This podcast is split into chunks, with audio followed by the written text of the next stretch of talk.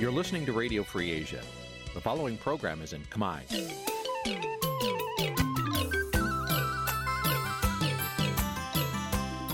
Nǐ chi càm bi tiệp xáy vệt chiu a zì sê ray នេះជាកម្មវិធីផ្សាយរបស់ Vithu Azisari ជាភាសាខ្មែរ វត្តឈូអាស៊ីសេរីសូមស្វាគមន៍លោកអ្នកនាងទាំងអស់ពីរដ្ឋធានី Washington នៃសហរដ្ឋអាមេរិក បាទពីរដ្ឋធានីវ៉ាស៊ីនតោនខ្ញុំបាទសនចាររថាសូមជម្រាបសួរលោកអ្នកនាងអ្នកស្ដាប់វិទ្យុអេស៊ីសរ៉ៃទាំងអស់ជាទីមេត្រីខ្ញុំបាទសូមជូនការផ្សាយសម្រាប់ព្រឹកថ្ងៃច័ន្ទ5កើតខែមករាឆ្នាំខាលចត្វាស័កពុរសករាជ2566ត្រូវនៅថ្ងៃទី28ខែវិច្ឆិកាគ្រិស្តសករាជ2022បានជាដំបូងនេះសូមអញ្ជើញលោកអ្នកនាងស្ដាប់ព័ត៌មានប្រចាំថ្ងៃដែលមានមេតិការដូចតទៅ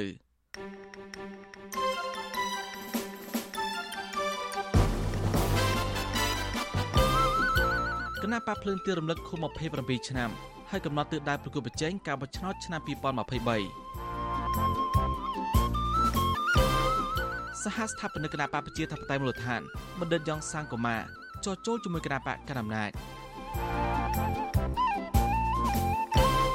សង្គមស៊ីវិលនិងកោតកោទាមទារតឡាការដោះលែងកញ្ញាឈឹមស៊ីធក្រុមអ្នកឆ្លៃនៅអភិរក្សចបៃដងវែងអបអរសាទរខួប6ឆ្នាំ នៃការចុះបញ្ជីចបៃដងវែងជាសម្បត្តិបេតិកភណ្ឌអរូបីនៃមនុស្សជាតិរួមនឹងព័ត៌មានសំខាន់ៗមួយចំនួនទៀតបាទជាបន្តទៅនេះខ្ញុំបាទសនចាររថាសូមជូនព័ត៌មានពិស្ដាគណៈបកភ្លើងទីរំលឹកខុស27ឆ្នាំនៃការបង្កើតគណៈបកហើយកំណត់ទិសដៅសកម្មភាពចំពោះទៅរកការផ្លាស់ប្ដូរជីវិតជំនាញតាមរយៈការបោះឆ្នោតឆ្នាំ2023ដើម្បីមានការដោះស្រាយបញ្ហាសេដ្ឋកិច្ចនិងសង្គមជូនដល់ប្រជាពលរដ្ឋ អ្នកវិភាគនយោបាយមើលឃើញថាសកម្មភាពគណៈបកនេះនឹងក្លាយជាគោលប្រជែងនយោបាយដ៏ធំជាមួយគណៈបកប្រជាជនកម្ពុជាសម្រាប់ការបោះឆ្នោតឆ្នាំ2023ខាងមុខនេះបានពីរដ្ឋធានីវ៉ាស៊ីនតោនលោកសេមនិតរាយការណ៍ព័ត៌មាននេះថ្នាក់ដឹកនាំនិងសមាជិកគណៈបកភ្លើងទៀនជាង3000នាក់ដែលជាក្រុមការងាររាជធានីខេត្តក្រុមប្រឹក្សាឃុំសង្កាត់ជាប់ឆ្នោត តំណាងចលនាស្ត្រី និងយុវជនទូទាំងប្រទេស បានចូលរួមប្រារព្ធទិវារំលឹកខួប27ឆ្នាំនៃការបង្កើតគណៈបកនេះស្ថិតនៅសង្កាត់ទន្លេបាសាក់ខណ្ឌចំការមនរាជធានីភ្នំពេញនៅព្រឹកថ្ងៃទី27ខែវិច្ឆិកាមេដឹកនាំគណៈបកនេះបានថ្លែងសាររំលឹកអំពីស្នាដៃនិងប្រវត្តិតស៊ូលះបង់របស់លោកសំរងស៊ីដែលបានបង្កើតគណៈបកជាតិខ្មែរដំបូង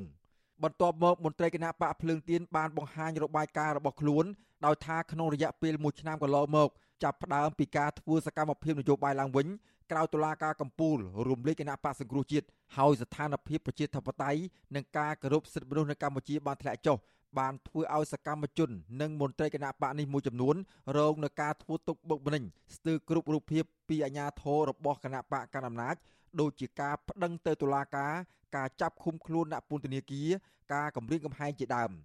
ឆ្លើយតបស្ថានភាពបែបនេះគណៈបកភ្លើងទៀនបានកំណត់គោលដៅពង្រីកសកម្មភាពរបស់ខ្លួនឆ្ពោះទៅរកការផ្លាស់ប្ដូរជាវិជ្ជមានសម្រាប់ការបោះឆ្នោតជ្រើសតាំងតំណាងរាស្ត្រឲ្យទទួលបានជោគជ័យដើម្បីដោះស្រាយបញ្ហានានានៅក្នុងសង្គមដូចជាបញ្ហាអំពើពុករលួយកែលម្អប្រព័ន្ធយុត្តិធម៌ លើកកម្ពស់ជីវភាពរស់នៅរបស់ប្រជាពលរដ្ឋជាពិសេសត្រូវស្ដារប្រជាធិបតេយ្យការគោរពសិទ្ធិមនុស្សឡើងវិញ។ថ្លែងក្នុងពិធីរំលឹកខួបនោះអនុប្រធានគណៈបកភ្លើងទៀនដែលតុលាការសម្រេចឲ្យចាញ់ក្តីគណៈបកប្រជាជនកម្ពុជា ក្នុងសំណុំរឿងបរិហាកេ គឺលោកសុនឆៃថ្លែងថាការតស៊ូរបស់គណៈបកភ្លើងទៀនរយៈពេល27ឆ្នាំមកនេះតែងតែរងការបំផិតបំភ័យឥតស្រាកស្រានប៉ុន្តែថ្នាក់ដឹកនាំនិងសកម្មជនរបស់គណៈបកភ្លើងទៀនមិនដាល់រាថយនោះទេ លោកបញ្ជាក់ថាគណៈបកភ្លើងទៀនបានដាក់ទិសដៅធ្វើសកម្មភាពឲ្យខ្លាំងក្លាឆ្ពោះទៅរកការបោះឆ្នោតក្នុងការផ្លាស់ប្ដូរជាវិជ្ជមាន តាមគោលការណ៍លទ្ធិប្រជាធិបតេយ្យស្របតាមរដ្ឋធម្មនុញ្ញលោកអំពីវនីដល់គណៈបកនយោបាយនិងអ្នកស្រឡាញ់ប្រជាធិបតេយ្យឲ្យមកចូលរួមកម្លាំងជាមួយនឹងគណៈបកភ្លើងទៀនដើម្បីឈានទៅរកជ័យជំនះនៅក្នុងការបោះឆ្នោតជ្រើសតាំងតំណាងរាស្ត្រឆ្នាំ2023ខាងមុខ អ្នកម្នាក់ត្រូវមានសកម្មភាពធ្វើការបម្រើពលរដ្ឋនៅមូលដ្ឋានឲ្យបានត្រឹមត្រូវចូលរួមផ្តល់សេវាល្អត្រឹមត្រូវជូនប្រជាពលរដ្ឋយើងគណៈបកភ្លើងទៀនមានបំណងនឹងទឹកដៅអ្វីក្រៅពីធ្វើយ៉ាងណាឲ្យប្រទេសជាតិយើងគ្រប់គ្រងឲ្យបានត្រឹមត្រូវឲ្យមានយន្តការបម្រើប្រជាពលរដ្ឋឲ្យមានប្រសិទ្ធភាពតម្រឹងស្ថាប័នជាតិទាំងអស់រួមទាំងតុលាការសក្តិឲ្យដើរយុទ្ធធម៌ជូនប្រជារាស្ត្រយើងឲ្យបានគ្រប់គ្រប់គ្នាដើម្បីសេចក្តីសុខក្នុងសង្គមយើង ចំណែកឯអ្នកវិភាគនយោបាយជើងចាស់ដែលបានអញ្ជើញចូលធ្វើជាវិលគ្មិននៅក្នុងពិធីនោះគឺលោកបណ្ឌិតឡៅបង្ហៃមើលឃើញថាស្មារតីដើមនិងសន្ទុះគាំទ្រជាពិសេសរចនាសម្ព័ន្ធនិងក្រមប្រឹក្សាឃុំសង្កាត់ជាប់ឆ្នោតជាង2000នាក់នឹងធ្វើឲ្យគណៈបកភ្លើងទៀនកាន់តែរឹងមាំនិងក្លាយជាគូប្រជែងនយោបាយដ៏ធំរបស់គណៈបកប្រជាជនកម្ពុជាសម្រាប់ការបោះឆ្នោតនៅឆ្នាំ2023ខាងមុខ លោកបណ្ឌិតផ្ដល់យោបល់ថាសកម្មជនគណៈបកភ្លើងទៀនត្រូវយកលោកសំរងស៊ីជាគំរូតាក់ទងនឹងសកម្មភាពយកចិត្តទុកដាក់ដោះស្រាយបញ្ហាទុកលំបាកកសិករអាជីវករនិងកម្មករជាដើមទើបពួកគេបានទទួលការគាំទ្រពីប្រជាពលរដ្ឋម្ចាស់ឆ្នោតការដែលយើងរៀបដោះស្រាយបញ្ហាមានគំនិតដោះស្រាយបញ្ហាអាហ្នឹងហើយយើងបង្កើនសមត្ថភាព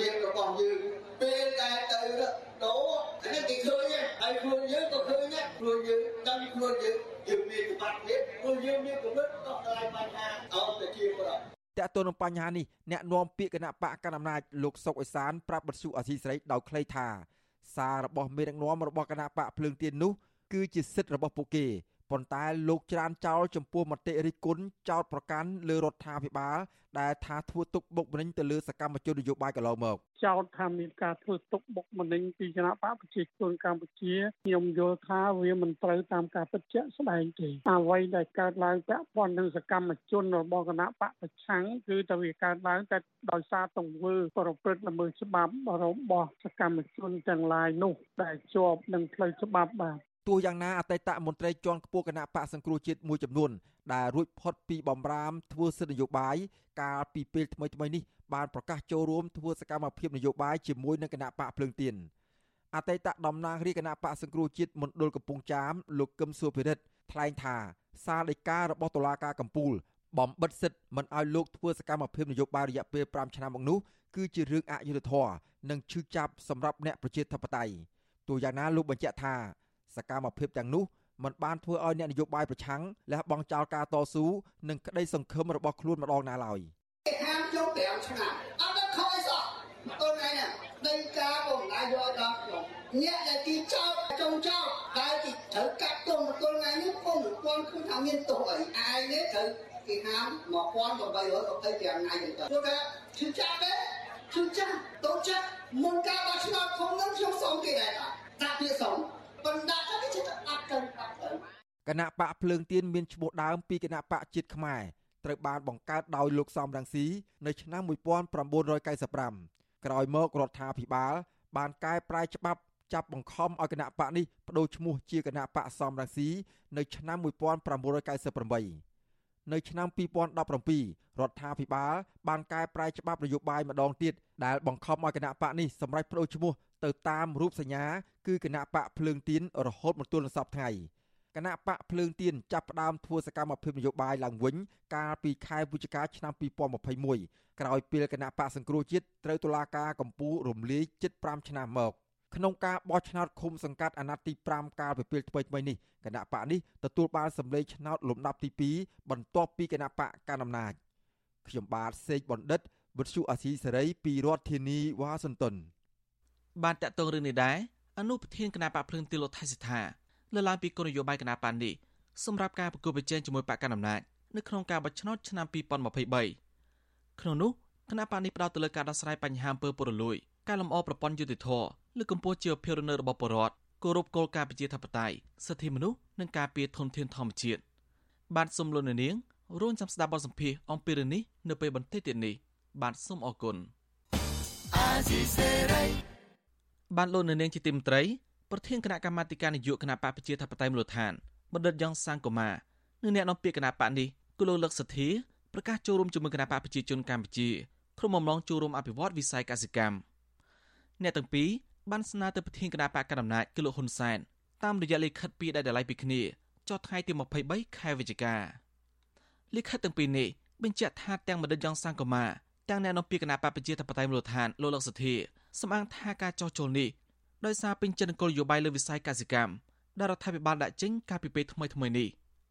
មន្ត្រីចុងខ្ពស់គណៈបកប្រជាធិបតេយ្យមូលដ្ឋានទៅពីរូបនេះបញ្ជាក់ទៀតថាការចូលរួមជីវភាពនយោបាយជាមួយគណៈបករបស់លោកហ៊ុនសែននេះទៀតសោតដើម្បីចូលរួមអនុវត្តគោលនយោបាយទៅនេះឲ្យបានជោគជ័យហើយមានផ្លែផ្កា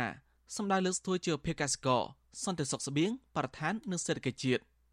ជាមួយគ្នានេះអ្នកទាំងពីរបានរំលឹកពីគោលនយោបាយរដ្ឋាភិបាលដែលអ្នកទាំងពីរពេញចិត្តនោះដែរ គឺគោលនយោបាយលើកកម្ពស់ជីវភាពប្រជាកសិករប្រកបដោយវិធានការជាក់ស្ដែងដូចជាគោលនយោបាយផលិតពូជស្រូវសម្រាប់លក់ចែកជូនដល់ប្រជាពលរដ្ឋក្នុងតម្លៃសមរម្យគោលនយោបាយកាត់បន្ថយថ្លៃដើមផលិតគោលនយោបាយបង្កើនទុនដល់ធនាគារអភិវឌ្ឍកសិកម្មនៅជនបទព្រមទាំងគោលនយោបាយដោះស្រាយបញ្ហាទីផ្សារកសិករជាដើមវិទ្យុអេស៊ីសេរីមិនទាន់អាចសុំការបញ្ជាក់បន្ថែមអំពីរឿងនេះពីបណ្ឌិតយ៉ងសាងកូម៉ានៅលោកលក្ខសធាបានឡើយទេ នៅថ្ងៃទី27ខែវិច្ឆិកាតែទោះបីជាយ៉ាងណា បណ្ឌិតយ៉ងសាងកូម៉ាបានប្រាវិទ្យុក្នុងស្រុកថាលោកមានបំណងសុំជួបចំនួនហ៊ុនសែនជាមុនសិនដើម្បីជជែកពីផែនការលម្អិតជួយដល់វិស័យកសិកម្មទើបលោកនឹងស្នើសុំចូលជួបជាមួយគណៈបកនេះតាមក្រោយប៉ុន្តែលិខិតស្នើសុំនេះបែរជាត្រូវគេទម្លាយមុនពេលលោកបានជួបជាមួយលោកហ៊ុនសែនទៅវិញតើតើនឹងករណីមន្ត្រីចុងខ្ពស់គណៈបកស្នើសុំចោះចូលជាមួយគណៈបកប្រជាជនកម្ពុជានេះប្រធានគណៈបកប្រជាធិបតេយ្យមូលដ្ឋានលោកយេងវរៈ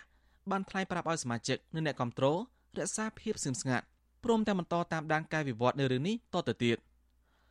លោកបញ្ជាក់ដែរថាមុនពេលមានលិខិតស្នើទៅលហ៊ុនសែនរបស់មន្ត្រីជាន់ខ្ពស់នឹងជាអ្នកជំនាញផ្នែកកសិកម្មរូបនេះគណៈបកលោកបានដាក់លិខិតទៅក្រសួងកសិកម្មកាលពីថ្ងៃទី18ខែវិច្ឆិកាដោយផ្ដល់ជាអនុសាសន៍ដោះស្រាយវិបត្តិទីផ្សារស្រូវអង្គពិសេសស្ថានភាពរបស់កសិករប៉ុន្តែយើងដឹងថាអឺលោកបណ្ឌិតយ៉ងសានកូម៉ាមិនទាន់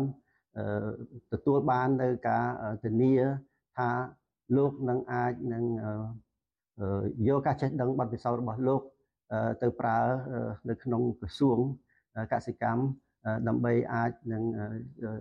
ដោះស្រាយស្ថានភាពការលំបាកបញ្ហារបស់កសិករមានប្រសិទ្ធភាពនៅឡើយទេពលគឺអត់ទាន់បានជួបនឹងឮការធានា ពីប្រមុខរាជរដ្ឋាភិបាលកម្ពុជានៅឡើយទេ ហើយយើងក៏សូមសំណូមពរដល់សមាជិកសមាជិកា អ្នកគ្រប់គ្រងគណៈបកប្រជាធិបតេយ្យមូលដ្ឋានទាំងអស់សូមមេត្តារក្សាការស្ងៀមស្ងាត់ហើយយើងនឹងតាមមើលការវិវត្តទៅទៀតបាទបើទោះបីជាលោកយីមវរៈបញ្ជាក់ថាមណ្ឌិតយ៉ងសាងកូម៉ានឹងមិនតាន់បានការបញ្ជាក់ពីលោកហ៊ុនសែនថានឹងព្រមតាមសំណើឬក៏យ៉ាងណាក៏ក្នុងលិខិតរបស់លោកបញ្ជាក់ថាលោកនឹងចាប់ផ្ដើមជីវភាពនយោបាយជាមួយគណៈបកដែលធ្លាប់ប្រគល់ប្រជែងមួយនេះចាប់ពីថ្ងៃទី2ខែធ្នូឆ្នាំ2022តទៅ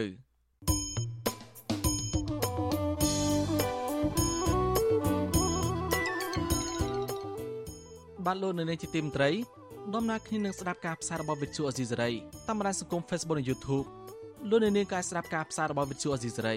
តាមវិទ្យុរលកធាតុអាកាសខ្លីឬ Shortwave តាមកម្រិតនិងកម្ពស់ដូចតទៅនេះ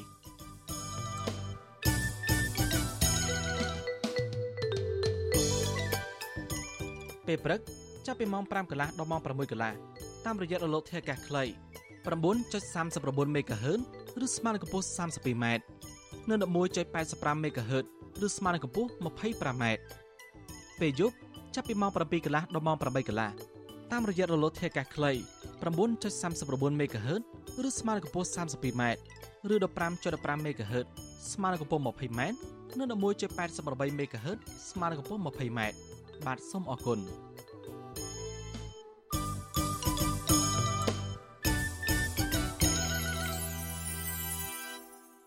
បានលោកនៅនាងជាទីមន្ត្រីក្រុមគឧតកោក្រុមហ៊ុនបលបៃ Nagavel និងមន្ត្រីការពារសិទ្ធិមនុស្សទាមទារតឡាការដល់លែងកញ្ញាឈឹមស៊ីធឲ្យមានសេរីភាពឡើងវិញដោយគ្មានលក្ខខណ្ឌពួកគាត់ចាត់ទុកការចាប់ខ្លួនកញ្ញាឈឹមស៊ីធជាថ្មីម្ដងទៀតថាជាការសម្លុតគម្រាមបំបាក់ស្មារតីក្រុមសាជីពហើយជាការព្រមានដល់គឧតកោដែលនឹងបន្តតវ៉ាដោយសន្តិវិធី បានពីរដ្ឋធានីវ៉ាស៊ីនតោនលោកទីនសការីយ៉ារីកាព័រមីនីក្រុមកោតកលនិងមន្ត្រីសង្គមស៊ីវិលគុណថាការចាប់ខ្លួនកញ្ញាឈឹមស៊ីធ គឺគ្មានផលចំណេញអ្វីដល់រដ្ឋាភិបាលឡើយ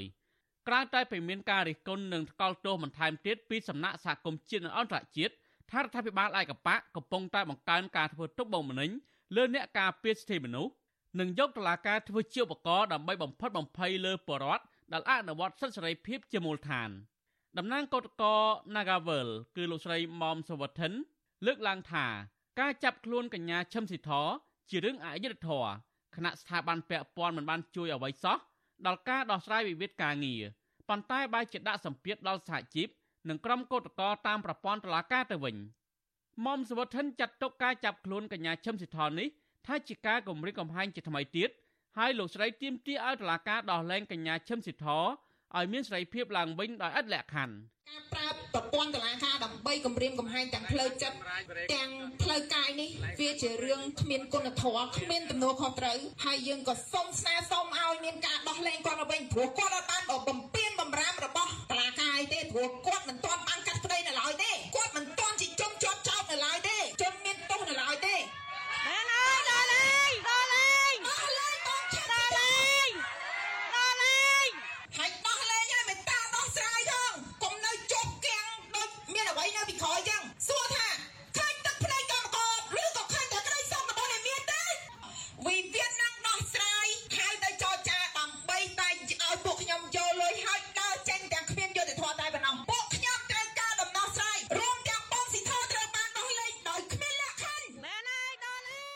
ជាមួយគ្នានេះក្រុមកោតក្រព្រមទាំងក្រុមសកម្មជនសង្គមក៏ធ្វើយុទ្ធនាការតាមបណ្ដាញសង្គមអំពាវនាវដល់តុលាការឲ្យដោះលែងកញ្ញាឈឹមស៊ីធព្រោះកញ្ញាមិនបានកិច្ចវេះពីបំរាមរបស់តុលាការនោះឡើយជុំវិញនឹងរឿងនេះនាយកទទួលបន្ទុកកិច្ចការទូតទៅនៃអង្គការលីកាដូលោកអំសំអាតរិះគន់ថាការចាប់ខ្លួនកញ្ញាឈឹមស៊ីធក្រមហេតុផលបទល្មើសបំរាមតុលាការនេះមិនសមហេតុផលឡើយលោកថាមកទល់នឹងពេលនេះកញ្ញាឈឹមស៊ីធនិងមេធាវីរបស់កញ្ញា មិនដែលទទួលបានសេចក្តីសម្រេចពីតុលាការណាមួយកំណត់ឲ្យកញ្ញាឈឹមស៊ីធស្ថិតនៅក្រោមការត្រួតពិនិត្យរបស់តុលាការឬមិនអនុញ្ញាតឲ្យកញ្ញាធ្វើដំណើរទៅក្រៅប្រទេសណាទេលោកចាត់ទុកការចាប់ខ្លួនកញ្ញាឈឹមស៊ីធឡើងវិញនេះថាជាការគំរាមកំហែងធ្វើទុកបុកម្នេញក្រុមអ្នកការពារសិទ្ធិនិងជាការប្រមានដល់កោតក្រដែលកំពុងតែបន្តធ្វើសកម្មភាពតវ៉ាដោយសន្តិវិធីទាមទារឲ្យថកែគោរពសិទ្ធិការងារនិងគោរពសិទ្ធិសហជីព ថាករណីនេះគួរតែមានការដោះលែងកញ្ញាឈឹមស៊ីធោជាបន្តឡើងវិញដាក់អត់លក្ខខណ្ឌណាណាបាទពីព្រោះវាមិនមែនជាបទល្មើសរបស់កញ្ញាសឹមស៊ីធោដែលត្រូវបានប្រព្រឹត្តទេពីព្រោះដោយសារតែគាត់មិនបានទទួលនៅលក្ខខណ្ឌហ្នឹងហើយមេធាវីទៀតសោតក៏មិនបានទទួលនៅលក្ខខណ្ឌសម្រាប់កូនក្តីរបស់គេផងដែរអញ្ចឹងចំណុចនេះយើងមើលទៅនីតិវិធី មិនគួរនឹងចោទប្រកាន់ទៅលើកញ្ញាឈឹមស៊ីធរទៅលើករណីនេះទេអញ្ចឹងគួរតែដោះលែងជាបន្តដើម្បីកុំឲ្យមានការរិះគន់ហើយនឹងការចោទប្រកាន់អំពីការរឹតបន្តឹងលំហសេរីភាពរបស់សហជីពឬលំហសេរីភាពរបស់ពលរដ្ឋជាបន្តទៀតនោះបាទប្រធានសហជីពក្រុមហ៊ុន Nagavel កញ្ញាឈឹមស៊ីធកាលពីពេលថ្មីថ្មីនេះបានទៅចូលរួមប្រជុំជាមួយក្រុមសហជីពជាច្រើនរូបទៀតក្នុងកម្មវិធីសមាជសហភាពសហជីពអន្តរជាតិ នៅប្រទេសអូស្ត្រាលីមុនពេលកញ្ញាចាកចេញពីកម្ពុជាទៅក្រៅប្រទេសនេះខាងសមត្ថកិច្ចបានត្រួតពិនិត្យឯកសារឆ្លងដែនពុំហាមឃាត់កញ្ញានោះទេក៏ប៉ុន្តែ សមត្ថកិច្ចបានឃាត់ខ្លួនកញ្ញាឈឹមស៊ីធនៅពលានយន្តហោះអន្តរជាតិភ្នំពេញកាលពីថ្ងៃទី26វិច្ឆិកាគឺនៅក្រៅពេលកញ្ញាបានត្រឡប់មកពីប្រទេសអូស្ត្រាលីវិញតាមដីការបស់តុលាការតាក់ទងនឹងការចាប់ប្រកាន់ថាមេដឹកនាំសហជីពរូបនេះកិច្ចបេះការត្រួតពិនិត្យរបស់តុលាការទៅវិញ ភ្លាមភ្លាមក្រោយពេលឃាត់ខ្លួនកញ្ញាឈឹមស៊ីធសមត្ថកិច្ចមិនអនុញ្ញាតឲ្យមេធាវីជួបកញ្ញានោះទេ នៅពេលដដែលនោះសមត្ថកិច្ចបានបញ្ជូនកញ្ញាឈឹមស៊ីធទៅសាលាដំបងរាជធានីភ្នំពេញដើម្បីសាកសួរនិងឃុំខ្លួនកញ្ញាបណ្ដោះអាសន្ននៅគុកប្រៃសណតាក់ទងនឹងរឿងនេះវិទ្យុអាស៊ីសេរីមិនអាចតាក់ទងអ្នកនាំពាក្យសាលាដំបងរាជធានីភ្នំពេញលោកអ៊ីរិនដើម្បីសួរអំពីបញ្ហានេះបានទេនៅថ្ងៃទី27វិច្ឆិកា នាយកទទួលបន្ទុកកិច្ចការទូតទៅនៃអង្គការលីកាដូលោកអំសំអាតបញ្ជាក់ថាមកទល់ពេលនេះមេធាវីការពារក្តីឲ្យកញ្ញាឈឹមស៊ីធនៅមិនទាន់បានជួបកញ្ញានៅឡើយទេលោកបញ្ជាក់ថាមេធាវីការពារក្តីនឹងទៅជួបកញ្ញាឈឹមស៊ីធនិងការពារសិទ្ធិកញ្ញានៅតុលាការនៅថ្ងៃទី28វិច្ឆិការដ្ឋាភិបាលលោកហ៊ុនសែនរងការរិះគន់ថាអសមត្ថភាពក្នុងការដោះស្រាយបញ្ចប់វិវាទការងារនៅក្រុមហ៊ុន Casino Nagavel និងប្រើប្រាស់ប្រព័ន្ធតុលាការធ្វើជាឧបករណ៍ក្នុងការធ្វើទុកបុកម្នេញលើសហជីពនិងក្រុមកោតក្រជាបន្តបន្ទាប់ក្រុមអង្គការជាតិអន្តរជាតិព្រមទាំងប្រទេសប្រជាធិបតេយ្យធំធំមួយចំនួនផងតែងតែដាស់តឿនដល់រដ្ឋាភិបាលឯកបៈត្រូវធានាសិទ្ធិសេរីភាពជាមូលដ្ឋានពលរដ្ឋសិទ្ធិសេរីភាពបញ្ចេញមតិការប្រមូលផ្ដុំជួបជុំដោយសន្តិវិធីរបស់ពលរដ្ឋគឺរដ្ឋាភិបាលនិងតុលាការមិនត្រូវរឹតបន្តឹងបញ្ហាទាំងនេះឡើយហើយចាប់ពួកគេដាក់ពន្ធនាគារក្នុងហេតុផលអនុវត្តច្បាប់នោះឡើយ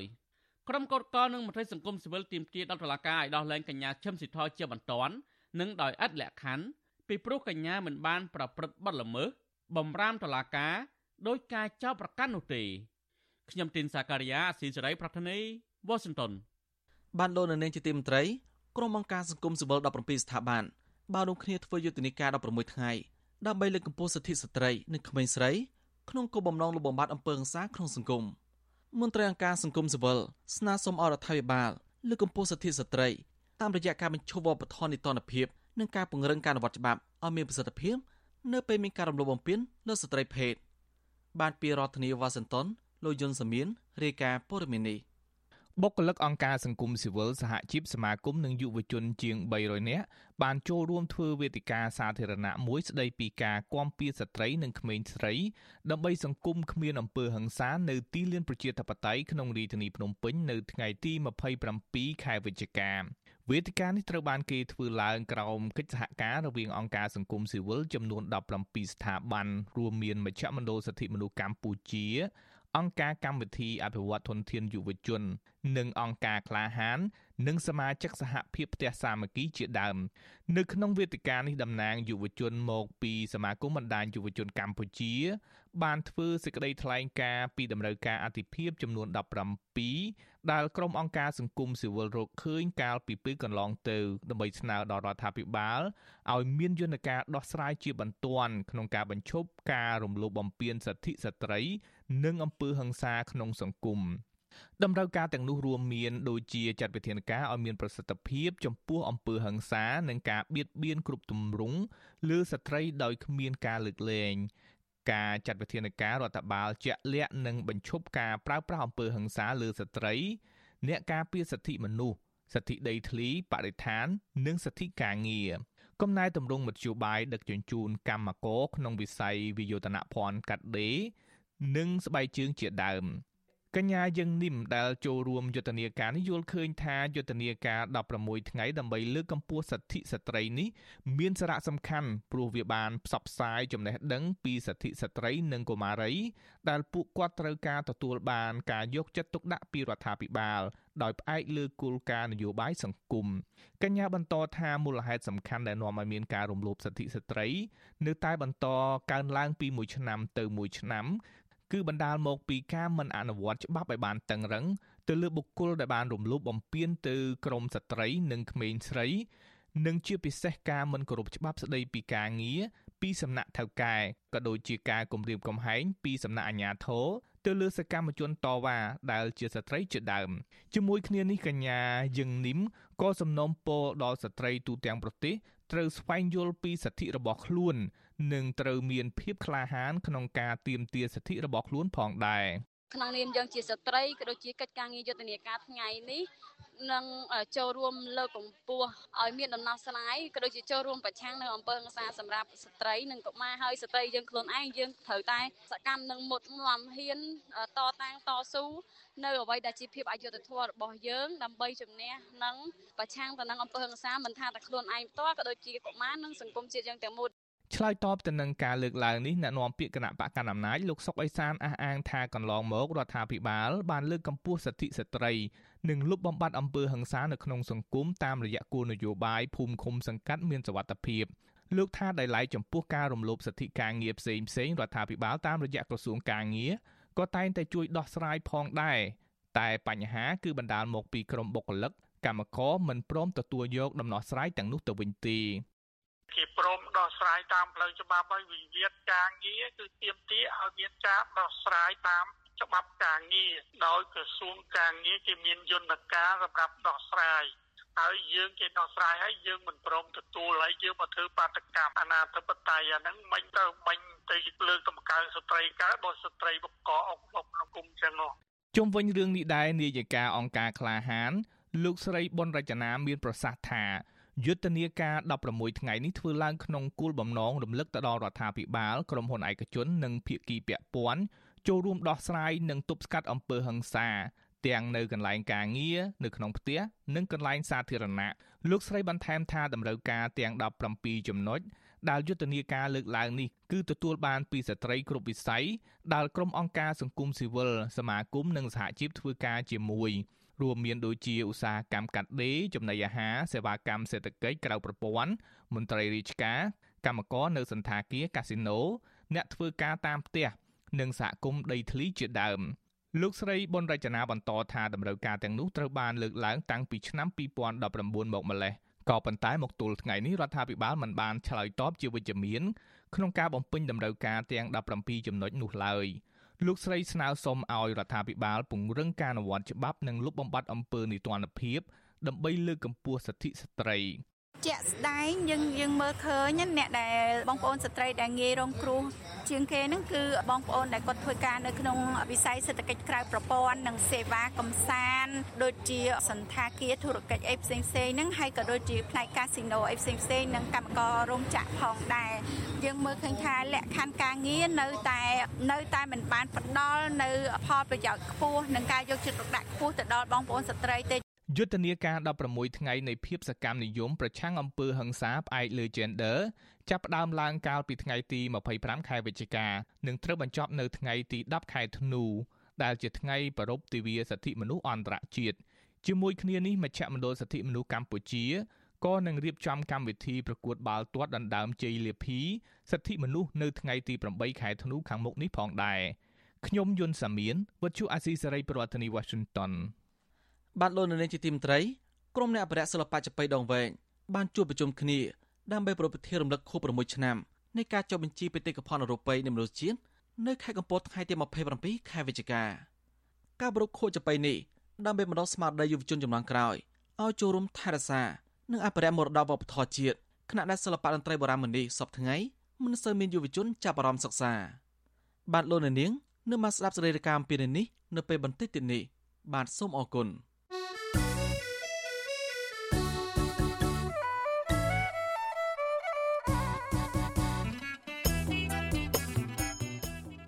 បាទលោកនៅនាងជាទីមត្រីក្រៅពីតាមដានកម្មវិធីផ្សាយរបស់វិទ្យុអាស៊ីសេរីតាមបណ្ដាញសង្គម Facebook YouTube Telegram លោកនាងក៏អាចតាមដានកម្មវិធីផ្សាយរបស់យើងតាមបណ្ដាញសង្គម Instagram របស់វិទ្យុអាស៊ីសេរីតាមរយៈតំណ link instagram.com/ofa ខ្មែរវិទ្យុអាស៊ីសេរីបន្តខិតខំផ្សព្វផ្សាយព័ត៌មានពិតទៅកាន់បងប្អូនតាមរយៈបណ្ដាញសង្គមផ្សេងៗនិងសម្បូរបែបដើម្បីឲ្យលោកនាងងាយស្រួលតាមដានការផ្សាយរបស់វិទ្យុអាស៊ីសេរីគ្រប់ពេលវេលានិងគ្រប់ទីកន្លែងតាមរយៈទូរស័ព្ទដៃរបស់លោកនាង បាទសូមអរគុណ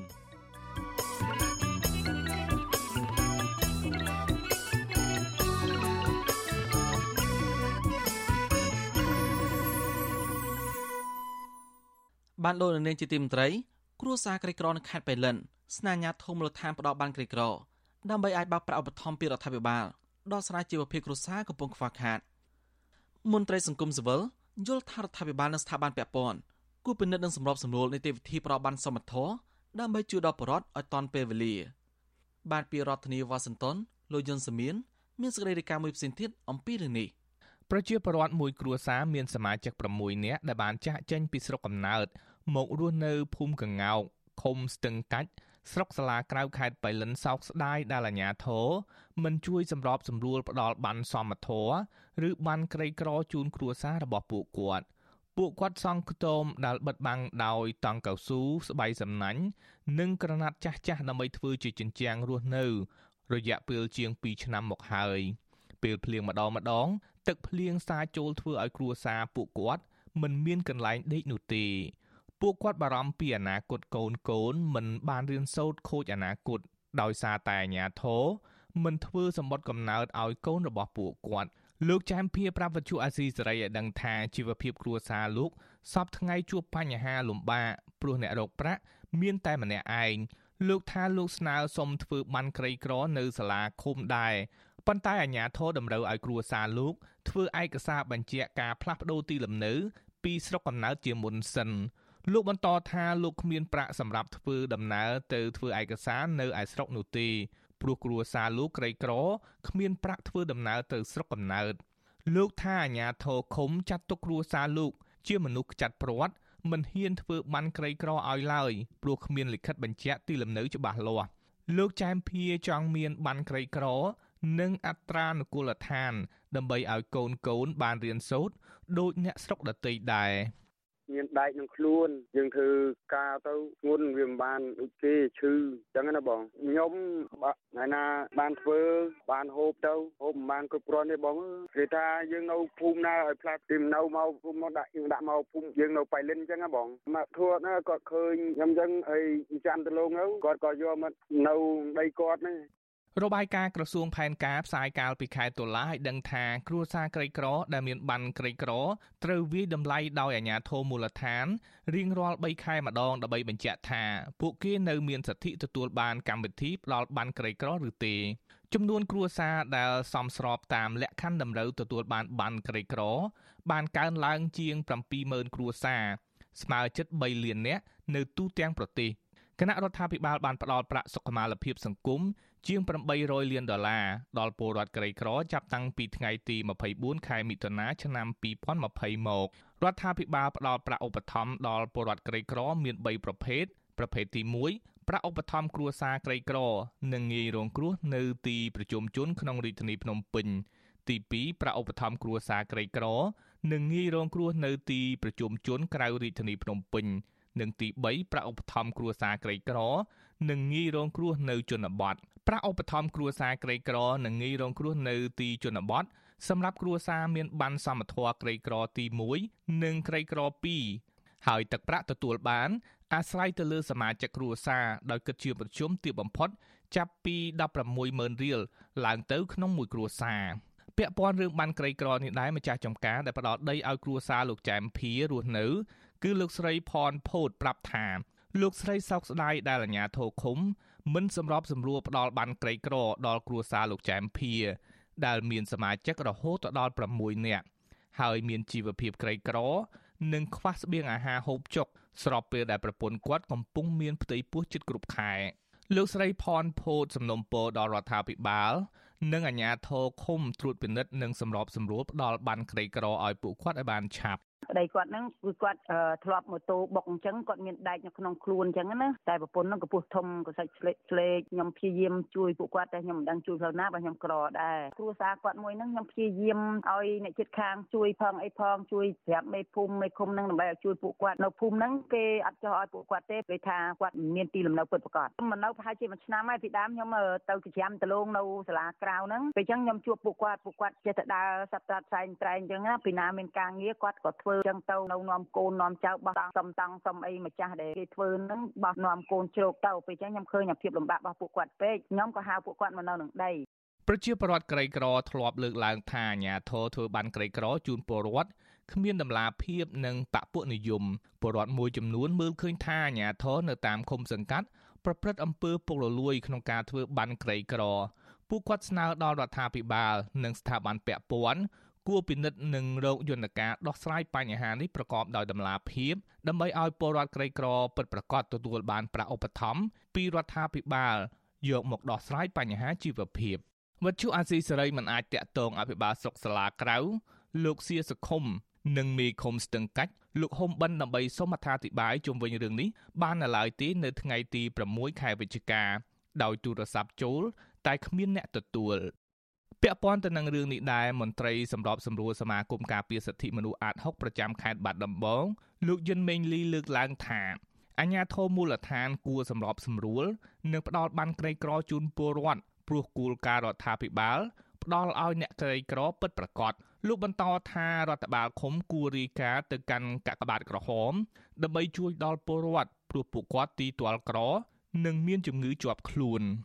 នីតិវិធីហ្នឹងយើងអាចជួយសម្រួលបានតានីតិវិធីហ្នឹងមនុស្សតាអ្នកធ្វើអញ្ចឹងយើងជួយសម្រួលគាត់ទៅគាត់ហ្នឹងចំលក្ខណៈហើយក្រីក្រហើយអញ្ចឹងយើងជួយសម្រួលទៅក្នុងនាមអាជ្ញាធរព្រោះយើងបាននេះយើងបានធ្វើសម្រាប់អ្នកក្រីក្រកុំឲ្យតែបានក្រីក្រហ្នឹងវាធ្លាក់ទៅលើអ្នកអត់ក្រអាហ្នឹងបានវាបញ្ហាណាប្រជាពលរដ្ឋនិងអង្គការសង្គមស៊ីវិលទទូចដល់រដ្ឋាភិបាលនិងស្ថាប័នពាក់ព័ន្ធគួរត្រួតពិនិត្យ ទៅលើភាពមិនប្រក្រតីក្នុងការផ្ដល់បានក្រីក្រនៅតាមមូលដ្ឋានដើម្បីឲ្យប្រជាពលរដ្ឋក្រីក្រពិតប្រាកដទទួលបានការជួយពីរដ្ឋាភិបាល និងចាត់វិធានការដល់មន្ត្រីខិលខូចនៅតាមមូលដ្ឋាន ដែលបានប្រព្រឹត្តអំពើពុករលួយឲ្យបានធ្ងន់ធ្ងរតាមច្បាប់ខ្ញុំយុនសាមៀនវិទ្យុអាស៊ីសេរីប្រធានាទីវ៉ាស៊ីនតោនបាទលោកនៅនាងជាទីមត្រីពលរដ្ឋម្នាក់នៅខេត្តកំពតចោទអាញាធមូលដ្ឋានថាបានយកប្រាក់ពីបរតនៅពេលធ្វើលិខិតលក់ដី មន្ត្រីសង្គមស៊ីវិលថាញាធរទីមទាបរបងប្រាក់រួចទៅព្រមធ្វើលិខិតដោះដូរដីឲ្យនេះថាជាទង្វើផ្ទុយនឹងច្បាប់កំណត់ បាទពីរដ្ឋធានីវ៉ាស៊ីនតោនលោកលេម៉ាលីរាយការណ៍ព័ត៌មាននេះពលរដ្ឋខ្មែរក្រៅម្នាក់មិនពេញចិត្តនឹងមេភូមិអន្លង់ក្មេងលេងឃុំដេជោអភិវឌ្ឍស្រុកឈូកដែលបដិសេធមិនព្រមធ្វើលិខិតសម្រាប់លក់ដី ហើយបានតម្រូវឲ្យគាត់បង់ប្រាក់មុនទើបធ្វើលិខិតទិញដូរជូនគាត់តាមច្បាប់អត្រានុកូលដ្ឋាន នៅពេលដែលពលរដ្ឋចង់ដោះដូរដី ដែលជាកម្មសិទ្ធិរបស់ខ្លួន ហើយទៅស្នើសុំលិខិតបញ្ជាក់ពីមន្ត្រីមូលដ្ឋាន គឺមិនតម្រូវឲ្យអ្នកស្នើសុំបង់ប្រាក់នោះទេពលរដ្ឋដែលមេភូមិមិនព្រមធ្វើលិខិតលក់ដីឲ្យលោកព្រំសារវុធប្រាប់វិទ្យុអាស៊ីសេរីនៅព្រឹកថ្ងៃទី27វិច្ឆិកាថាលោកចង់លក់ដីកម្មសិទ្ធិរបស់លោកដែលបានទិញមកជាយូរឆ្នាំហើយដែលមានទំហំ 90អាហើយលោកចង់កាត់លក់ 30អាលោកបន្តថា លោកបានទៅស្នើសុំមេភូមិអន្លង់ក្មេងលេង លោកសឹមហុងឲ្យជួយធ្វើលិខិតសម្រាប់ទិញនិងលក់ដីប៉ុន្តែមេភូមិរូបនេះមិនព្រមធ្វើឲ្យលោកនោះទេលោកបញ្ជាក់ថាមេភូមិទាមទារឲ្យលោកបង់ប្រាក់ជាង200ដុល្លារសម្រាប់ធ្វើឯកសារទិញឬលក់ដីសិនទើបមេភូមិព្រមធ្វើលិខិតនោះឲ្យប៉ុន្តែលោកមិនបានបង់ប្រាក់ឲ្យមេភូមិនោះទេព្រោះលោកយល់ថាដីលោកមានប្លង់កម្មសិទ្ធិត្រឹមត្រូវ។ បើសិនជាមានរឿងមួយគេធ្វើម្ដងមួយម្ដងមួយឲ្យតែមានដំណើរលុកដាច់គឺគេធ្វើម្ដងមួយម្ដងមួយអញ្ចឹងគេមិនមកពីយើងជាចិនណនេះសិតតែយើងគេថាដីហ្នឹងបរិស្ថានប៉ុន្តែដល់ដូចថាយើងកោការលុកលោកាអីហ្នឹងគេកែបយកបរិស្ថានហ្នឹងយកមកយកមកកែបនេះគេយកលុយអញ្ចឹងតែប៉ុណ្្នឹងរឿងនេះមិនមែនតិចទេក្នុងភូមិនេះវាច្រើនណាស់មិនយើងមិនដឹងរឿងណាក់ណាខ្លះយើងមិនដឹងតែអានេះដល់ដល់វេនយើងមិនយើងដឹងថាហ្នឹងវាមិនចំចំនួននៅកន្លងនេះគឺវាជុំទាំងអស់វាទៅទាំងអស់ទៅទាំងរកគ្នានេះលោកព្រំសារវុធជាពលរដ្ឋខ្មែរកម្ពុជាក្រោមដែលបានមករស់នៅនៅកម្ពុជា តាំងពីឆ្នាំ1980ហើយលោកក៏ធ្លាប់ភៀសខ្លួនទៅរស់នៅឯជំរំក្នុងប្រទេសថៃកាលពីសម័យសង្គ្រាមវិទ្យុអស៊ីសេរីមិនអាចតាក់ទងសុំការអធិប្បាយជុំវិញបញ្ហានេះពីមេភូមិអន្លង់ក្មេងលេងលោកសឹមហុងបានទេ នៅថ្ងៃទី27វិច្ឆិកា ដោយសារទូរស័ព្ទហៅចូលជាច្រើនដង តែពុំមានអ្នកទទួលចំណែកមន្ត្រីប្រចាំការនៅស្នងការដ្ឋាននគរបាលខេត្តកំពតថ្លែងដោយមិនបញ្ចេញឈ្មោះថាលោកមិនបានទទួលពាក្យបណ្ដឹងរបស់ពលរដ្ឋដែលមានបំណងចង់លក់ដីនោះទេលោកបន្តថាបើពលរដ្ឋមិនសុខចិត្តនឹងអាជ្ញាធរមូលដ្ឋានគម្រាមយកលុយពីពលរដ្ឋពេលធ្វើឯកសារនោះពួកគាត់អាចប្តឹងទៅខាងលោកបាន ទេករណីហ្នឹងដូចជាអត់មានបានដែលទទួលបណ្ដឹងពលរដ្ឋផងពាក់ព័ន្ធបាតុភិបអស់ហ្នឹងចេះលោកតាក់ទងទៅទៅលោកស្នងការបានតែលោកដឹងព្រោះខ្ញុំក្រុមប្រចាំវិទ្យាប្រហែលជាអត់បានទទួលដំណឹងហ្នឹងជុំវិញរឿងនេះដែរអ្នកសម្របសម្រួលគម្រោងធុរកិច្ចនិងសិទ្ធិមនុស្សរបស់មជ្ឈមណ្ឌលសិទ្ធិមនុស្សកម្ពុជា លោកវ៉ាន់សុផាត លើកឡើងថាពលរដ្ឋចង់លក់ដីជាកម្មសិទ្ធិរបស់ខ្លួន ពួកគាត់អាចទៅរកមន្ត្រីមូលដ្ឋានឲ្យធ្វើលិខិតសម្រាប់លក់ដូរដីបាន ដោយមិនចាំបាច់បង់ប្រាក់ថ្លៃធ្វើឯកសារនោះទេលោកបញ្ជាក់ថាបើអាជ្ញាធរណាបង្ខំឲ្យពលរដ្ឋបង់ប្រាក់ក្នុងការធ្វើលិខិតស្នាមឬក៏ឯកសារសាធារណៈផ្សេងៗដែលរដ្ឋមិនតម្រូវឲ្យបង់នោះជាទង្វើផ្ទុយនឹងច្បាប់ ជាទូទៅភាគច្រើនមានអញ្ចឹងជាទម្លាប់បើតាមច្បាប់អត់មានត្រូវទៅណែឲ្យលុយឲ្យកាយគាត់ទេបាទហើយបើសិនណាគាត់ទាលុយទាកាយហ្នឹងក៏អត់ត្រឹមត្រូវដែរណាបាទអត់ត្រឹមត្រូវទេបាទគឺថាគាត់ណាគាត់មានទូនាទីក្នុងការទាំងលឺក្នុងការទិញលក់អញ្ចឹងប៉ុន្តែកន្លងមកច្រើនណាអ្នកលក់ឬជាសគុណអីចឹងអាហ្នឹងជាជាសិទ្ធិរបស់គាត់ទេអាហ្នឹងកន្លងមកពលរដ្ឋតែងតែលើកឡើងពីទុកកង្វល់នៅពេលដែលពួកគាត់ទៅធ្វើឯកសារលក់ឬទិញដី ហើយអាជ្ញាធរភូមិខ្លះតម្រូវឲ្យពលរដ្ឋបង់ប្រាក់ថ្លៃធ្វើលិខិតទើបព្រមធ្វើឲ្យពួកគាត់ច្បាប់អត្រានុកូលដ្ឋានចែងថា នៅពេលដែលពលរដ្ឋចង់ដោះដូរដីដែលជាកម្មសិទ្ធិរបស់ខ្លួន ហើយទៅស្នើសុំលិខិតបញ្ជាក់ពីមន្ត្រីមូលដ្ឋាន គឺមិនតម្រូវឲ្យអ្នកស្នើសុំបង់ប្រាក់នោះទេខ្ញុំបាទលេងម៉ាលីវិទ្យុអស៊ីសេរីពីរដ្ឋធានី Washington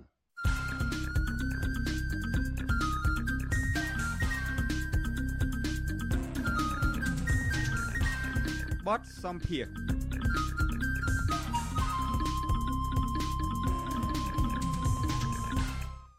បានលោកនាងជាទីមន្ត្រីអនុប្រធានគណៈបកភ្លើងទីលោកថៃសិដ្ឋាលើកឡើងពីគោលនយោបាយគណៈបកនេះសម្រាប់ការប្រគល់ប្រជែងជាមួយបកកណ្ដាលអំណាចនៅក្នុងការបោះឆ្នោតឆ្នាំ2023ក្នុងនោះគណៈបកនេះផ្ដោតទៅលើការដោះស្រាយបញ្ហាអំពើពុករលួយការលំអប្រព័ន្ធយុតិធធលើកកម្ពស់ជីវភាពរស់នៅរបស់ប្រជាពលរដ្ឋគោរពគោលការណ៍ប្រជាធិបតេយ្យសិទ្ធិមនុស្សនិងការពារធនធានធម្មជាតិ។ បាទសូមលោកនាងស្ដាប់បទសម្ភាសន៍រវាងអ្នកស្រីសុជីវីជាមួយនៅប្រធានគណៈបកភ្លើងទៀនលោកថៃសិដ្ឋាអំពីរឿងនេះដូចតទៅជំរាបសួរអាយដាមថៃសិដ្ឋាពីចម្ងាយចាតើអាយដាមអាចលើកឡើងបំភ្លឺទៅលោកអ្នកដែលជាអ្នកគ្រប់គ្រងឬក៏ប្រជាប្រដ្ឋផ្សេងទៀតនឹងបានទេថាតើអាចនឹងមានជាប់ពាក់ព័ន្ធអីយ៉ាងម៉េចទេឬក៏អាចថានឹងធ្វើឲ្យមានការព្រួយបារម្ភទេចំពោះការដែលលើកឡើងពីទឹកដៃឬក៏ស្នាដៃរបស់លោកសំរងស៊ីនៅក្នុងការរំលឹកខួបគណៈបក នៅព្រឹកមិញនេះចា៎អឺយើងគ្មានអ្វីដែលគួរឲ្យបារម្ភដែលចតកាន់រឿងតាក់ទិនតាក់តងនេះទេហើយយើងខ្ញុំក៏បានបំភ្លឺជាលិលាអក្សរភាសារួចហើយនៅពេលដែលលោកនាយករដ្ឋមន្ត្រីហ៊ុនសែនបានស្នើសុំឲ្យយើងបញ្ជាក់ជាសាធារណៈចំពោះការតាក់ទងជាមួយលោកសំរងស៊ីចំពោះការដែលយើងប្រពថ្ងៃនេះខួបទី27ឆ្នាំនៃថ្ងៃបង្កើតគណៈបក លើកទៀនដំបូងឡើយគឺជាគណៈបកជាតិខ្មែរបង្កើតឡើងដោយលោកសំរងស៊ីយើងមិនអាចមិនរំលឹកដល់ពុបបរោះនរណាម្នាក់នោះទេពុបបរោះរបស់យើងដែលបានរៀបចំបង្កើតឡើងសម្រាប់យើងឧទាហរណ៍ដូចយើងរំលឹកដឹងគុណដល់ម្ដាយឪពុករបស់យើងអញ្ចឹងយើងក៏ដឹងគុណដល់ពុបបរោះរបស់យើងសម្រាប់គណៈបកភ្លឹងទៀនក្នុងនោះមានលោកសំរងស៊ីដែលពុះពៀក្នុងការបង្កើត ឲ្យបានទៅជាគណៈបកជាតិខ្មែរបន្តមកដូចជាសំរងស៊ីហើយបានចូលរួមបង្កើតទៅជាមួយគណៈបក្សសិទ្ធិនោះទៅជាគណៈបក្សសង្គ្រោះជាតិអញ្ចឹងជាវីរភាពមួយរបស់លោកដែលបានពុះពៀគ្រប់ឧបសគ្គទាំងអស់ហ្នឹងយើងមិនអាចបំភ្លេចហើយមិនអាចមិនរំលឹកពីស្នាដៃរបស់លោកបានទេទោះបីក្នុងកលតិសៈណាក៏ដោយយើងក្នុងនាមជា ពុទ្ធបរិស័ទណាគោរពពុទ្ធសាសនាយើងមិនអាចបំភ្លេចគុណពុទ្ធបរិស័ទបានទេរីឯគណៈបកផ្សេងក៏ដូចគ្នាដែរដូចគណៈបកប្រជាជនក៏លោកនឹកគុណដល់អ្នកពពបរោះរបស់លោកដែរពពបរោះរបស់លោកជាមនុស្សបែបណាយើងមិនដឹងអ្នកណាបង្កើតអីមិនដឹងនេះក៏ប៉ុន្តែលោកត្រូវតែគិតរំលឹកដល់គុណូបការៈរបស់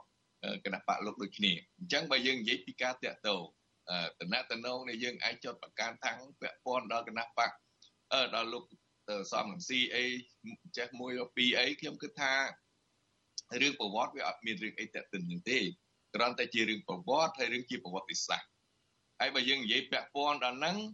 គណៈបកនយោបាយនៅស្រុកខ្មែរយើងដូចគណៈបកប្រជាជនក៏ជាប់ពាក់ព័ន្ធដូចតែគ្នាទេនិយាយពីប្រវត្តិដំណើរដើមតងគណៈបកប្រជាជនវាបង្កើតនៅឆ្នាំ1951វាតាក់ទិនរឿងជាមួយនឹងបកកុម្មុយនីសចិនផង ហើយបើតាក់តងថែមទៀតនោះគឺនៅក្នុងសម័យខ្មែរក្រហមកម្ពុជាជាទឹកតៃ3ឆ្នាំ8ខែ20ថ្ងៃ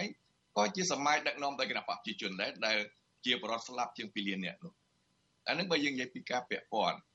ប៉ុន្តែខ្ញុំជឿថាប្រវត្តិនីមួយៗយើងមិនអាចបំបត្តិបានទេទោះបីជាគណៈបព្វជិជនកាលសម័យនោះដឹកនាំដោយប៉ុលពតក៏គេនិយាយពីរឿងដឹកនាំដោយប៉ុលពតប៉ុណ្ណឹងតែស្ថានភាពពីនោះបែបណានឹងជារឿងដែលគេទៅសេប្រវត្តិរីឯគណៈបកភ្លើងទៀនដូចគ្នា ដូច្នេះអាដាមមិនមិនមានការបារម្ភថានេះអាចប្រើប្រាស់ជាលេសនៅក្នុងការដែលឈានទៅធ្វើបាបធ្វើទុកបុកម្នេញដល់គណៈបកភ្លើងទៀនដោយគណៈបកសង្គ្រោះជាតិទេចា៎វាគ្មានអីជាលេសទេក៏ប៉ុន្តែយើងដឹងហើយថាកន្លងមកមិនបាច់ជាលេសក៏គេអាចរំលាយបានដែរពីព្រោះដូចជារំលាយគណៈបកសំប្រជាមានលេសអីស្អីនោះគ្រាន់តែយកកសែតវីដេអូលោកកឹមសុខាតាំងពីណាពីណីមករំលាយហើយរំលាយហើយដល់ម៉ោងនេះមិនទាន់ដឹងថាលោកកឹមសុខាមានទោសអីផងរំលាយគណៈបកសំប្រជាបាត់ហើយ 118អ្នកហាមឃាត់ទៀតដូច្នេះយើងមិននិយាយថាគេយកលេសវាអត់អត់ទៅអឺមិនអាចនិយាយបានទេពីព្រោះគេចង់ធ្វើអីបានស្រេចចិត្តទៅរងថ្ងៃនេះមានមានទៅកតញើទេណាបើនិយាយពីផ្លូវច្បាប់តើនៅក្នុងស្ថានភាពបែបនេះនឹងតើគណៈបកអឺបានសម្រួចថានឹងមានគោលនយោបាយសំខាន់អ្វីខ្លះដើម្បីលើកឡើងត្រួសត្រាសដើម្បីឆ្លើយទៅប្រិយមិត្តរបស់យើងជាពិសេសអ្នកដែលគាត់ត្រៀមខ្លួនសម្រាប់ការបោះឆ្នោតនៅក្នុងឆ្នាំ2023ខាងមុខនឹងចា៎ មែនតើទៅយើងមិនទាន់អនុម័តគោលនយោបាយជាគោលការណ៍សម្រាប់បោះឆ្នោត2023នៅឡើយទេណាដូចប៉ុន្តែអីដែលយើងជាគោលដៅហើយអ្វីដែលគោលនយោបាយដែលមានស្រាប់នៅក្នុងគណៈបកភ្លើងទៀនរបស់យើងអ្វីចង់មានការកែប្រែប្រព័ន្ធយុតិធម៌ដោយសារយើងឃើញហើយថាប្រជាពលរដ្ឋរួមគ្រោះយ៉ាងច្រើនដោយសារតែប្រព័ន្ធតឡាការបច្ចុប្បន្ននេះរហូតដល់យកជាលេសក្នុងកិច្ចរឿងនយោបាយចាប់ចងអត្រាបដី អញ្ចឹងហើយយើងឃើញថាអំពើអយុត្តិធម៌នៅក្នុងសង្គមនេះខ្លាំងណាស់យើងដឹងថាមិនជាការងាយក៏ប៉ុន្តែបើយើងគិតថាមិនងាយហើយពិបាកធ្វើហើយយើងមិនធ្វើនេះឬតែឱកាសនឹងផ្ដល់ឲ្យអ្នកដែលគេប្រព្រឹត្តអំពើអាក្រក់នឹងកាន់តែមានឱកាសថែមទៀតនៅពេលដែលយើងដឹកនាំប្រទេសយើងនឹងរៀបចំឲ្យមានប្រព័ន្ធយុតិធធម៌មួយយ៉ាងត្រឹមត្រូវហើយជាពិសេសប្រព័ន្ធយុតិធធម៌នេះមានចែងនៅក្នុងកិច្ចព្រមព្រៀងសន្តិភាពទីក្រុងប៉ារីសផងគេតម្រូវឲ្យបង្កើតតឡាការថ្មីមួយ ណាប៉ុន្តែនៅកម្ពុជាអត់បានអនុវត្តទៅតាមទេគឺយកទៅតាមប្រព័ន្ធតឡាការដែលបន្សល់ពីសម័យកុម្មុយនីសមកអរឿងសំខាន់មួយទៀតដែលយើងឃើញការប្រឈមរបស់ប្រជាពលរដ្ឋខ្មែរជាពិសេសកសិករទំនិញផលផ្សេងផ្សេងអត់មានតម្លៃរដ្ឋាភិបាលមិនបានរកទីផ្សារឲ្យហើយថែមទាំងបន្ទោសដល់កសិករថែមទៀតផងស្រូវរបស់កម្ពុជាអង្គរបស់កម្ពុជាលេខ1របស់ពិភពលោកនៅលើពិភពលោក ប៉ុន្តែហេតុម៉េចក៏យើងបែរជាអង្គស្រូវនៅកម្ពុជាថោកជាងគេហើយម្យ៉ាងទៀតដូចជារឿងកាត់បន្ថយភាពក្រីក្រមិនមែនដូចបច្ចុប្បន្នចែកបានក្រីក្របានច្រើនហើយហៅថាបន្ថយភាពក្រីក្រទេកាលណានៅបានក្រីក្រច្រើនមានន័យថាប្រជាពលរដ្ឋនៅតែក្រីក្រច្រើនហើយអ្វីដែលកាត់បន្ថយយើងបញ្ឈប់អាការរឹបអូសយកដីធ្លីប្រជាពលរដ្ឋប្លន់យកដីជាពលរដ្ឋអានោះបកគលឲ្យឈ្មោះទុច្ចរិតធ្វើអ្វីតាមអំពើចិត្តអ បង្កើតឲ្យការងារធ្វើរាល់ថ្ងៃចាក់ចេញចំណាក់ចូលស្រុកយ៉ាងមិនខ្លះនឹងហើយដែលជាគោលនយោបាយរបស់គណៈបកភ្លើងទៀនយើងនឹងរៀបចំដូច្នេះខ្ញុំមិនទាន់បានលំអិតនៅឡើយទេគ្រាន់តែចង់ជម្រាបថាជាគោលនយោបាយសំខាន់សំខាន់ជម្រាបជូនប្រជាពលរដ្ឋថាដើម្បីបញ្ឈប់រាល់សកម្មភាពទាំងអស់ដូចជារឿងកាប់បំផ្លាញព្រៃឈើការលុបបាំងលុបទន្លេអីស្រេចតាមអំពើចិត្ត អានឹងដើម្បីបញ្ឈប់ទាំងអស់នោះតលប្រជាពលរដ្ឋលោកមកចូលរួមជាមួយគណៈបកភ្លឹងទៀនផ្លាស់ប្ដូរដើម្បីយើងរៀបចំការដឹកនាំប្រទេសរបៀបបែបប្រជាធិបតេយ្យវិញអានឹងទើបអាចបញ្ឈប់បានហើយបើនៅในបច្ចុប្បន្ននេះជាបរដ្ឋនៅតែរងគ្រោះធនធានធម្មជាតិនៅតែបាត់បង់អ្វីអ្វីដែលជាទ្រព្យទ្រព្យសម្បត្តិរបស់ជាតិកំពុងតែបាត់បង់អំពើពុករលួយកាន់តែច្រើនដូច្នេះហើយយើងឃើញជាក់ស្ដែងទាំងអស់គ្នាហើយសូម្បីតែគ្រឿងញៀននៅកម្ពុជាមិនដែលឬចាប់គីឡូទេសារតោន សួរថាអនាគតប្រទេសជាតិយុវជននឹងយ៉ាងម៉េចធនធានធម្មជាតិព្រៃឈើសូម្បីតែភ្នំក៏គេរំលាយដែរហើយគេដាក់ថាខ្មែរធ្វើបានទៀតសមុទ្រក៏លុបទលេក៏លុបបឹងក៏លុបអានឹងខ្មែរធ្វើបានទៀតអញ្ចឹងហើយយើងបើចង់បើនៅអ្នកដឹកនាំតដែលនេះមានអ្វីប្រែប្រួលទេតតែឲ្យមានការរៀបចំប្រទេសយើងឡើងវិញហើយយើងមិនអាចបដិបដោយអានឹងដែលខ្ញុំគ្រាន់តែលើកបញ្ជាក់ត្រួសត្រាសខ្លីៗដើម្បីឲ្យប្រជាពលរដ្ឋលោកបានយល់ថា នៅអនាគតយើងនឹងមានគោលនយោបាយច្បាស់លាស់សម្រាប់រៀបចំប្រទេសយើងឡើងវិញបែបនេះឯងចាសូមជំរាបលាអាដាមត្រឹមប៉ុណ្ណេះចាបានលោកនាងទើបបានស្ដាប់បទសភារវាអ្នកស្រីសុជីវីជាមួយនៅប្រធានគណៈបកភ្លើងទៀនលោកថៃសិដ្ឋាអំពីគណៈបកភ្លើងទៀនប្រកាសពីគោលនយោបាយសម្រាប់ប្រគល់ប្រជែងជាមួយបកកណ្ដាលអំណាចនៅក្នុងការបោះឆ្នោតឆ្នាំ2023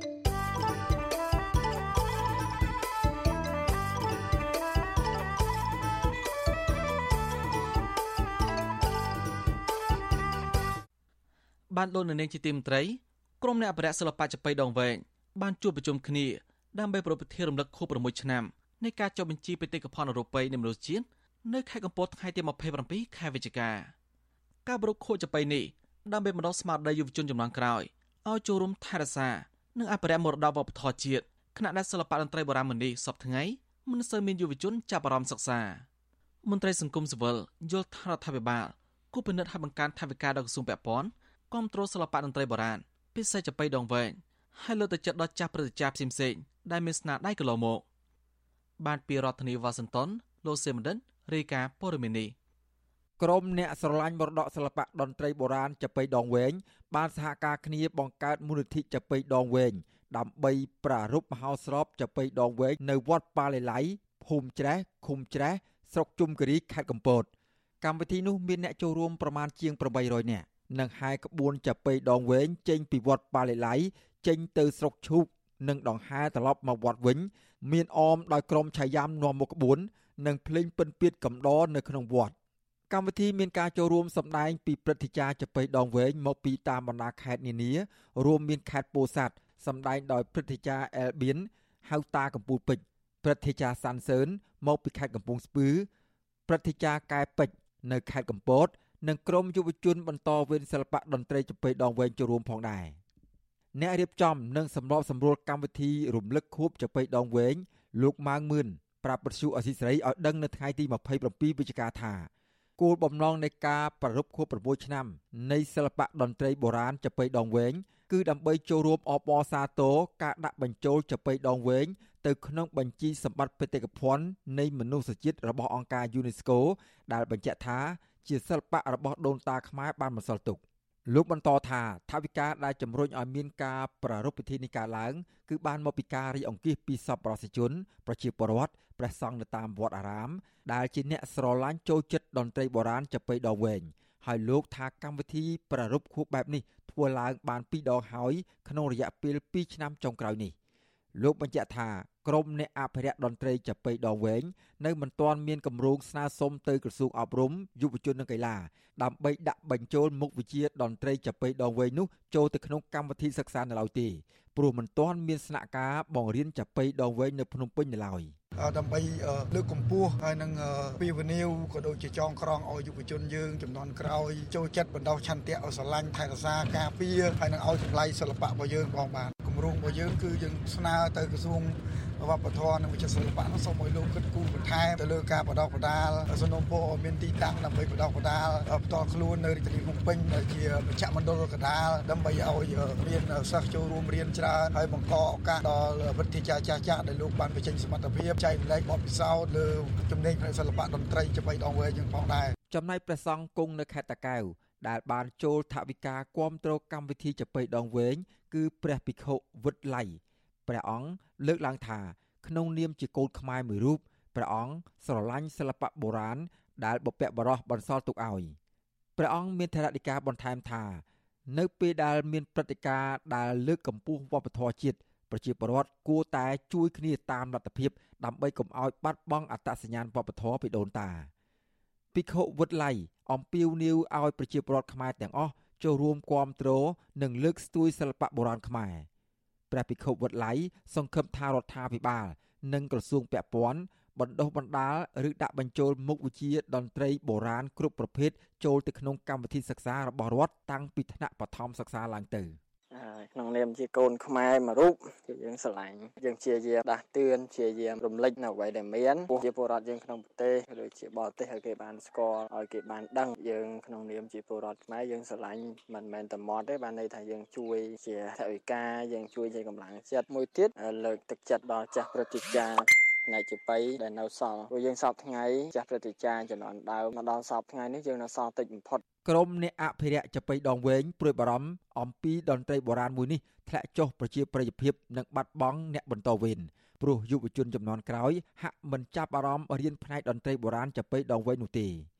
វិទ្យុអសីសេរីនៅពុំទាន់អាចតាក់ទងអ្នកនាំពាក្យក្រសួងវប្បធម៌និងវិចិត្រសិល្បៈលោកលងប៊ុនណាសេរីវត្ត និងប្រធានមន្ទីរវប្បធម៌និងវិចិត្រសិល្បៈខេត្តកំពតលោកគង់ផល្លាដើម្បីសូមអត្ថាធិប្បាយជុំវិញរឿងនេះបាននៅឡើយទេនៅថ្ងៃទី27ខែវិច្ឆិកាប៉ុន្តែរដ្ឋលេខាធិការក្រសួងវប្បធម៌និងវិចិត្រសិល្បៈលោកកឹមពេជ្រពីនុនបានលើកឡើងនៅក្នុងកម្មវិធីថាជាមោទនភាពមួយដែលប្រជាពលរដ្ឋខ្មែរជាពិសេសក្រមអភិរក្សចាប៉ីដងវែងដែលបានបង្ហាញពីការស្រឡាញ់និងចូលរួមថែរក្សាវប្បធម៌ដូនតាលោកបញ្ជាក់ថា នៅថ្ងៃទី28វិច្ឆិកាក្រសួងនឹងស្នើសុំដាក់ក្បាច់គុណល្បុក្កតោខ្មែរដើម្បីបញ្ចូលជាបេតិកភណ្ឌជាតិផងដែរក៏ប៉ុន្តែមិនទាន់ដឹងថាមានការទទួលស្គាល់ឬក៏យ៉ាងណានៅឡើយទេ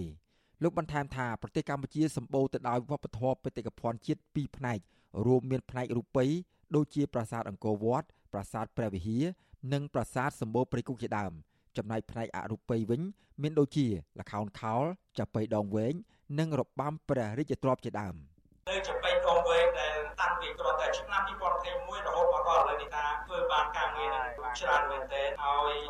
ខ្ញុំព្រះករុណាទូបង្គំខ្ញុំបានកោកោសរសើរនៅវ័យដែលជាសមិទ្ធផលរយៈពេលខ្លីប៉ុន្តែធ្វើបានដល់2ដងរហូតដល់នេះតាមឆ្លងតាមរបាយការណ៍ខ្ញុំព្រះករុណាទូបង្គំពិតជាមានសការសប្បាយរីករាយណាស់ជុំវិញរឿងនេះប្រធានសមាគមសម្ព័ន្ធនិស្សិតបញ្ញវន្តខ្មែរលោកកៅសរាយយល់ឃើញថា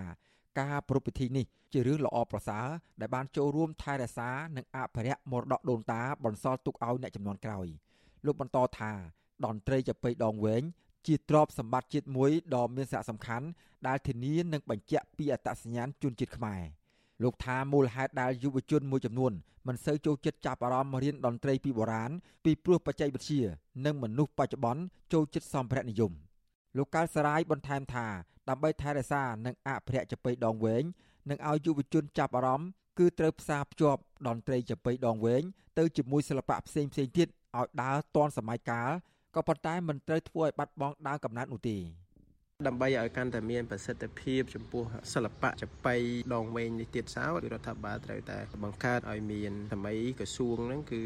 មានកញ្ចប់ថវិកាទ្រទ្រង់និងបណ្ដោះបណ្ដាលហើយព្យាយាមឲ្យតម្លៃទៅតាមរយៈការធ្វើប្រពៃពិធីធំធំមានន័យថាឲ្យមានការបង្ហាញមុខនៅសិល្បៈចបៃដងវែងតាមរយៈការច្រៀងបើល្អទៅទៀតនោះគឺព្យាយាមបញ្ចូលក្នុងប្រព័ន្ធអប់រំតែម្ដងតាត់ទុកថាជាសិល្បៈមួយដែលបង្ហាញពីអត្តសញ្ញាណជាតិខ្មែរដែលគុនខ្មែរគូរៀនចេះដឹងចេះដេញវីពីក្មេងមកដែរនៅបច្ចុប្បន្ននេះអ្នកដែលចូលចិត្តស្ដាប់ចបៃច្រើនតែអ្នកដែលចូលចិត្តស្ដាប់ការប្រើប្រាស់វោហារតែបែក្លែមពាក្យក្លែមសម្ដីអីទេតន្ត្រីចម្រៀងចបៃដងវែងធ្លាប់បានដើរតួយ៉ាងសំខាន់នៅក្នុងការអប់រំពលរដ្ឋឲ្យស្វែងរកភាពរីកចម្រើន ការច្រៀងរៀបរាប់ពីជីវិតរស់នៅប្រចាំថ្ងៃការបណ្ដុះស្មារតីឲ្យពលរដ្ឋស្រឡាញ់ថែរក្សាជាតិនិងប្រកបដោយសិលធម៌ល្អក្នុងសង្គមអ្នកចម្រៀងចាប៉ីដងវែងស្រែកច្រៀងរំលឹកអំពីក្បួនសាត្រា ពាក្យព្រានប្រដៅរបស់បព្វបរោះអំពីសិលធម៌នៅក្នុងការរស់នៅ ពីសុភាសិត ពាក្យស្លោកឬរៀបរាប់អំពីរឿងនិទានផ្សេងផ្សេងជាដើមក្រុមការងារមូលនិធិចាប៉ីដងវែងថាសពថ្ងៃអ្នកចម្រៀងចាប៉ីដងវែងនិងអ្នកបង្រៀនតន្ត្រីប្រភេទនេះមានប្រមាណ780នាក់នៅទូទាំងប្រទេសចាប៉ីដងវែងត្រូវបានប្រជាពលរដ្ឋខ្មែរស្គាល់ភាគច្រើនតាមរយៈការសម្ដែងច្រៀងទូលច្រៀងឆ្លើយឆ្លងគ្នាឧបករណ៍ចាប៉ីដងវែងនេះ ត្រូវបានគេប្រើប្រាស់នៅក្នុងទម្រង់សិល្បៈចំនួន4រួមមាន ក្នុងវង់ភ្លេងអារក្សវង់ភ្លេងការបុរាណវង់ភ្លេងមហោរី និងក្នុងចម្រៀងចាប៉ីដងវែងក្រមអ្នកអភិរក្សគាំទ្រតន្ត្រីចាប៉ីដងវែងនិងសង្គមស៊ីវិលទទូចដល់រដ្ឋាភិបាលនិងស្ថាប័នពាក់ព័ន្ធថាគួរផ្ដល់ប្រាក់ឧបត្ថម្ភដល់ព្រឹត្តិការណ៍តន្ត្រីបុរាណមួយនេះនិងបង្កើតជាមជ្ឈមណ្ឌលសិក្សានិងអំពាវនាវឲ្យប្រជាពលរដ្ឋចូលរួមថែរក្សាលើកស្ទួយតន្ត្រីសិល្បៈបុរាណខ្មែរ ដើម្បីបន្សល់ទុកស្នាដៃឲ្យកូនខ្មែរចំនួនក្រោយខ្ញុំបាទសេកបណ្ឌិតវិទ្យុអាស៊ីសេរីពីរដ្ឋធានីវ៉ាស៊ីនតោន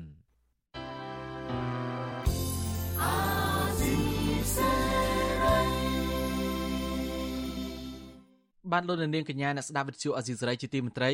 ការផ្សាយរយៈពេល1ម៉ោងនៃវិទ្យុអាស៊ីសេរីនៅពេលនេះចប់តែប៉ុណ្ណេះយើងខ្ញុំសូមជូនពរដល់លោកនាងព្រមទាំងក្រុមគ្រួសារទាំងអស់ ឲ្យជួបប្រកបតែនឹងសេចក្តីសុខចម្រើនរុងរឿងកុំបីឃ្លៀងឃ្លាតឡើយ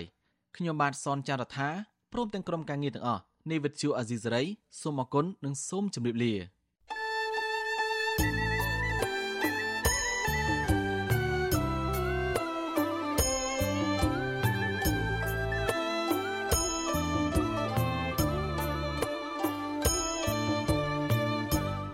វិទ្យុអាស៊ីសេរីផ្សាយតាមរលក ធារកាសខ្លីឬ shortwave តាមកម្រិតនិងកម្ពស់ដូចតទៅនេះ